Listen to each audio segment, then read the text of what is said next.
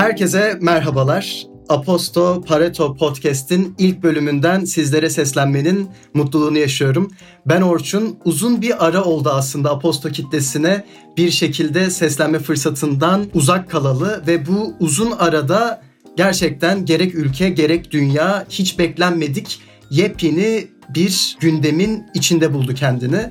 Bu gündemin içinde bulduk evet ve sizler de biliyorsunuz ki şu an koronadan bahsediyorum. Ben de yaklaşık bir 40 gün kadardır ailemle evde karantina halinde günlerimi geçirirken yani geride bıraktığımız günlerde Orhun'dan bir telefon aldım ve şu an dinlemekte olduğunuz Pareto Podcast alakadar kendisinin ekip olarak, Aposto ekibi olarak düşündükleri bir fikri bana aktarmasını keyifle dinledim. İlk bölüme özel olarak sizlere de bu podcast'te sizleri neler bekliyor konulu ilk başta Orhun'u bu bölüme dahil etmek istiyorum. Selamlar, tekrardan hoş geldin sesinle aramıza. Hoş bulduk. Nasılsın, iyi misin? O tarafta her şey yolunda mı? İlk başta bunu sormak istiyorum. Ee, çok sağ ol, ben de iyiyim. Ee, sağlığım yerinde. Ailemin yanına taşındım ben de 35-40 gündür. Çok iyi geldiğini söyleyebilirim bu periyodun. Pek çok düzenleme, planlama ve üretme fırsatım doğdu. Ee, dünyada çok e, zor zamanlardan geçiyoruz ama e, bir şekilde bunu hem psikolojik olarak hem de fiziksel olarak İngilizce'de resilience dediğimiz dirençlilik, direnç gösterme felsefesi üzerinden bu periyodu yaşamaya çalışıyorum ve e, atlatmaya çalışıyoruz. Şimdi burada iki tane soru soracağım sana. Bir tanesi Aposto'nun genel güncellemeleriyle alakadar. Aposto tarafında neler oluyor? Hazır bir podcast mecrası üzerinden severlere diyeceğim. Aposto okurlarına ve dinleyenlerine seslenme fırsatı bulmuşken bu konuda kısa da olsa bizleri bir güncelleyebilir misin? Bir diğer konuda Pareto Podcast neden, nereden çıktı ve neleri işleyeceğiz? Ben de biraz bahsediyor olacağım girişte ama öncesinde senin bana geçen hafta telefonda aktardığın şekilde kitlenin de duymasını çok arzu ederim ben. Tabii ki. Ee, Orçun biz Aposto'ya bundan 5 5 ay kadar önce e, gürültüden uzaklaş mottosuyla başladık. E, bültenler çıkartmaya başladık. Her sabah 7.30'da hatta bu zamanlar 8'de gönderdiğimiz e, bültenler yapıyoruz. Bu bültenlerin içerisinde e, haber haber kategorisi altına girecek 5-6 farklı kanalda gündemin en önemli hikayelerini e, çok özet, yalın, odaklı bir şekilde veriyoruz. Bunu hem Türkiye medyasından hem de dünya medyasından hikayeleri seçerek yapıyoruz. Ama bu bültenler e, gürültüden uzaklaştırsa da insanları 5 dakikada tüm gündemi ifade etse de belli konuların dikeyinde daha derinlemesine analizler yapmamıza imkan tanımıyor. Ama bir noktada bu kategorilerin altında bir adım ileri gidip evet bu gündem ve bu maddeler oluyor ve biz bunu yalın bir şekilde e, derliyoruz. Ama acaba bunun gündelik hayata etkisi nasıl olur? Bunun analizleri nasıl olur? Bunun geçmişte örnekleri var mıydı? Bunun gelecekteki bir takım yansımaları ne olacak? Bu konuları analiz etmek için her bir dikeyde farklı yayınlar yapmaya başladık. Bunun ilkini aslında e, Posta İstanbul etkinlikleriyle yapmıştık farklı bir bültenle. İkincisini teknolojiyle yaptık. Üçüncüsünü de Pareto'yla e, şu an yapıyoruz. E, bu bültenleri çıkartırken haftada bir şunu fark ettik. Bu bültenler neden e, sesli olarak da dinleyenlerle, okuyucularımızla buluşmasın? E, ve Vorga ve İren'den bahs Vorga ve İren'e bahsettim bu fikrimden. Acaba Pareto podcastlerinde yer alan en önemli iki ya da üç konunun analiz edildiği bir takım podcast serilerini yapalım mı? Bunu sesinizde de siz normalde 400 kelimelik bir takım yazıları 2000, 2500, 3000 kelimelik 8-9 dakikalık analizlerde e, konuşmak ve bunun üzerine analiz yapmak ister misiniz? Onlar da kabul etti ve böyle bir yola girdik. Artık stratejimiz her bir dikeyde yeni bültenlere başlatarak bu yeni bültenleri haftada bir gün hem okuyucularımızla buluşturmak hem de en önemli hikayeleri podcast mecraları üzerinden analiz etmek. Ana bültenlere sığmayan ya da ana bültenleri daha fazla uzatmak istemediğimiz bir, bir takım konuları daha özel dikeylerde daha derinlemesine ve daha da editoryal analizlerle e, sizlere buluşturmak istiyoruz. Amaç buydu. Daha fazla uzatmadan Orga ve İren'e de bırak, bırakayım ben sözü.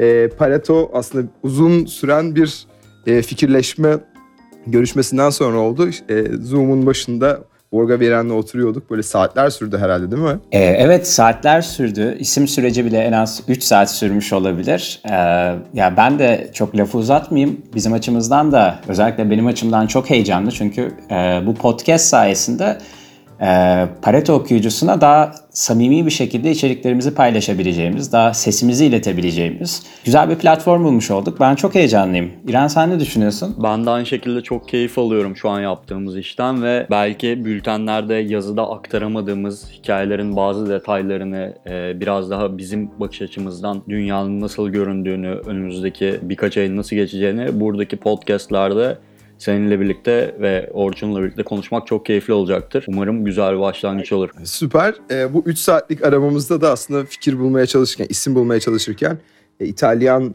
ekonomist e, Wilfredo Pareto'nun Pareto prensibinden yola çıktık ve bir anda böyle bir eureka anı oldu. Bunu koyalım dedik. Pareto prensibi özetle bir olayda bütün yüzde, etkilerin yüzde sekseninin aslında nedenlerin yüzde yirmilik bir kısmından kaynaklandığını söyleyen bir ekonomi prensibi. Tamamen tesadüf de aslında. Pareto da bir İtalyan isim, yani bir İtalyan ekonomist. Aposto da aslında İtalyanca bir kelime.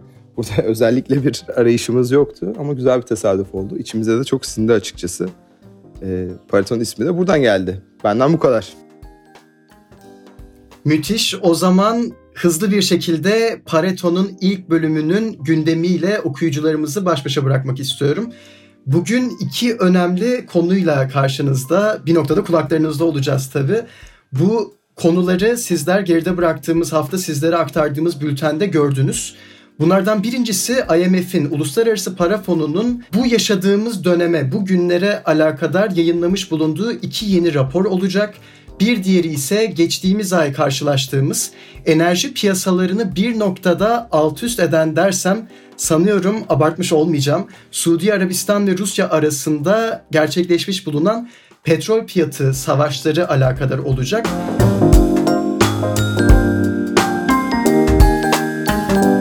İlk gündemimiz Uluslararası Para Fonu'nun iki yeni raporu alakadar. Bu noktada ben lafı İren'e bırakmak istiyorum. İren ilginç bir dönemden geçiyoruz ve geç, içinde bulunduğumuz bir ilginç dönemde aslında birçok insanı en çok düşündüren konulardan bir tanesi de ekonomi. Bu her birimizin evinde de konuşuluyor. Siyasilerin tartışma odalarında da meclislerde de keza IMF gibi, Dünya Bankası gibi kurumlarda da konuşuluyor. Her tarafta ekonomi ne olacak? Ne, do, ne nereye doğru gidiyoruz gibi bir soru var. Bu iki yeni rapor nelerden bahsetmekte diyerek sözü sana bırakmak isterim. Teşekkürler Orçun.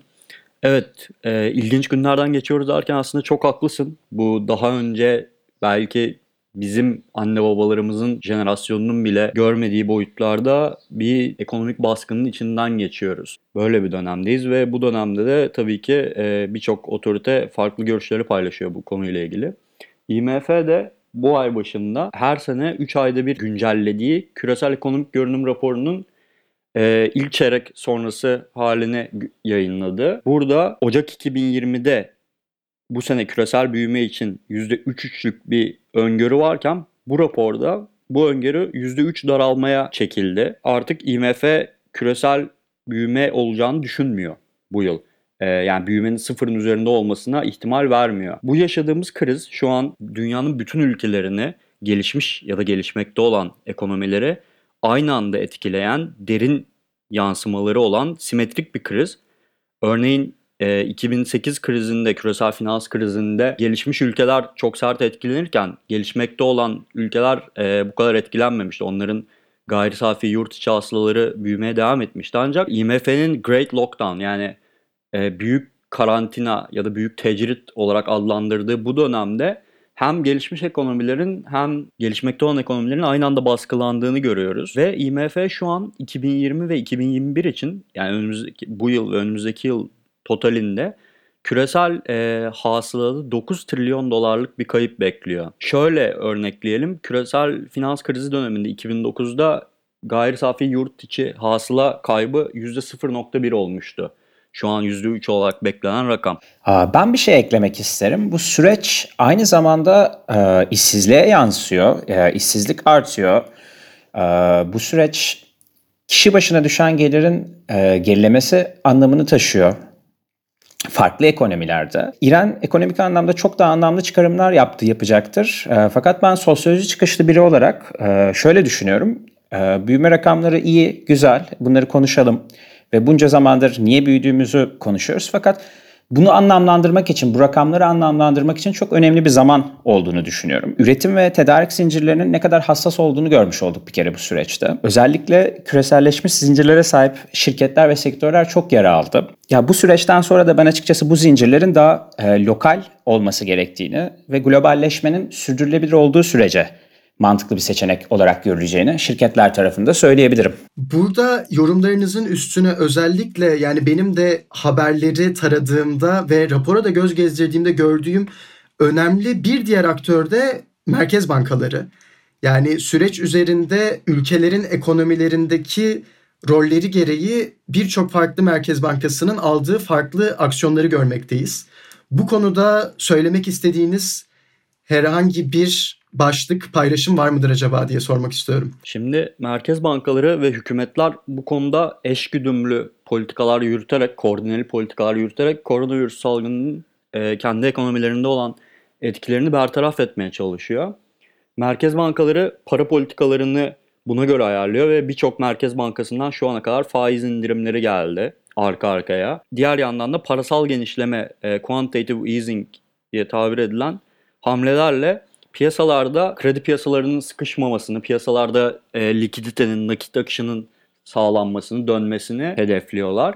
Diğer yandan hükümetler de e, Morgan'ın bahsettiği e, sosyolojik yansımalarını, işsizliği vesaire önleyebilmek için onlar da birbiri ardına yardım paketleri açıklıyorlar. Onlar da mali politikalarını buraya yönlendiriyorlar. Bu politikalar beraber çalıştığı zaman ve doğru şekilde uygulandığı zaman ekonomiyi bir nevi kurtarmak için diyeyim etkili olabilecek politikalar. Ancak merkez bankalarının para politikalarıyla ilgili şöyle bir eleştiri var. Krizin e, bir finans krizi olmadığı ve e, bunun aslında sağlık sisteminin bir krizi olduğu, bunun reel ekonomide bir kriz olduğunu söyleyen ve bu nedenle Merkez Bankası'nın parasal genişleme hamlelerinin aslında bir işe yaramayacağını düşünen birçok insan var bir yandan da. E, bunu henüz görmek için erken diyebiliriz. E, bunun etkilerini zamanla muhtemelen göreceğiz. Ama e, şimdilik by the book hani kitaba göre yapılması gereken şeyleri yapıyor. Hem merkez bankaları hem hükümetler. Farklı miktarlarda, farklı e, derinliklerde olmakla birlikte. Böyle söyleyebilirim. Anlıyorum İren. Teşekkür ederim açıklamaların için. Konu alakadar birazcık daha birbirinin içine geçmiş iki adet soru soracağım ve sanıyorum ki bunlar konu alakadar son sorularım olacaklar. Hali hazırda krizin hala ne kadar süreceğini bilmediğimiz günler yaşamaktayız. Hal böyle olunca da bir noktada her otorite krizi çözmek ve tabii ki tekrardan sadece krize odaklanmak şeklinde politikalar güdüyor gibi eleştiriler de söz konusu. Bu noktada krizin sonrasına alınması önerilen herhangi bir politika aksiyonu Uluslararası Para Fonu'nun raporlarında paylaşılmış mı acaba? Evet Orçun. Ee, IMF raporunda çok kısa bir kısmında şeyden bahsediliyor. Politika yapıcıların toparlanma süreci içinde hazırlanması gerektiğinden. Ee, IMF'ye göre öncelikle her zamanki gibi çok taraflı işbirliğinin küresel olarak e, toparlanmayı sağlamak için kritik olduğunun bir kez daha altı çiziliyor. Ve IMF şunu söylüyor. Politika yapıcılar talebi güçlendirim, yani kriz sonrasında toparlanma döneminde talebi güçlendirecek, e, şirketlerin istihdam sağlamalarını artıracak, teşvik edecek, özel sektör ve kamu sektörünün e, bilançolarını toparlayacak politikalara yönelmeli ve tüm ekonomilerin faydası adına mali tepkilerin, mali teşviklerin eşgüdümlü bir şekilde yapılması, gerçekleştirilmesi gerektiğini söylüyor.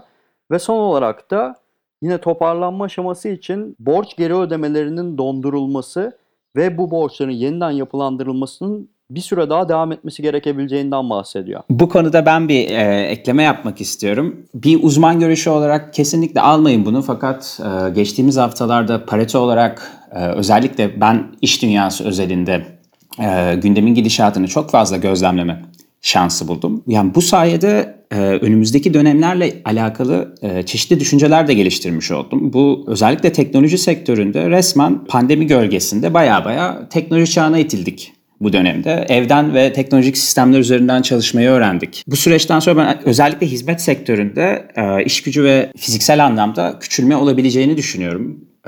Bütün e, hizmet sektörünün tamamı için geçerli. İşte işletme kadrolarının daha fazla şube, daha fazla çalışandan ziyade böyle iş bilir çekirdek ekiplerden oluşacağını, teknoloji kullanımında da sıçrama göreceğimizi düşünüyorum açıkçası. Yani iş dünyası tarafında bir teknoloji devrimi diyebiliriz. Ne olur elbette bilinmez ama şu bir gerçek ki yepyeni bir trend aldı başını gidiyor ve bu trendin yansımaları şu an zorunda bırakıldığımız değişim farklı sektörlerde, farklı şekillerde vücut bulacak. Sektörler dedik, farklı sektörler dedik ve Vorga sen en son olarak teknoloji sektörünün aslında bizim şu an hayatımıza ne gibi bir etki bıraktığı ve sektör içi genişlemesinden birazcık bahsettin. Böyle olduğunca hazır sen kapıyı araladın. Ben de konuyu enerji sektörüne ve enerji piyasalarına yani ikinci konumuza getirmek istiyorum.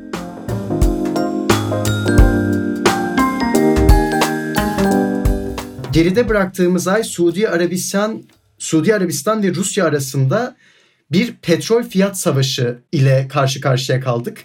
Bu savaş enerji piyasalarını beklenmedik bir şekilde sarstı diyebiliriz aslında.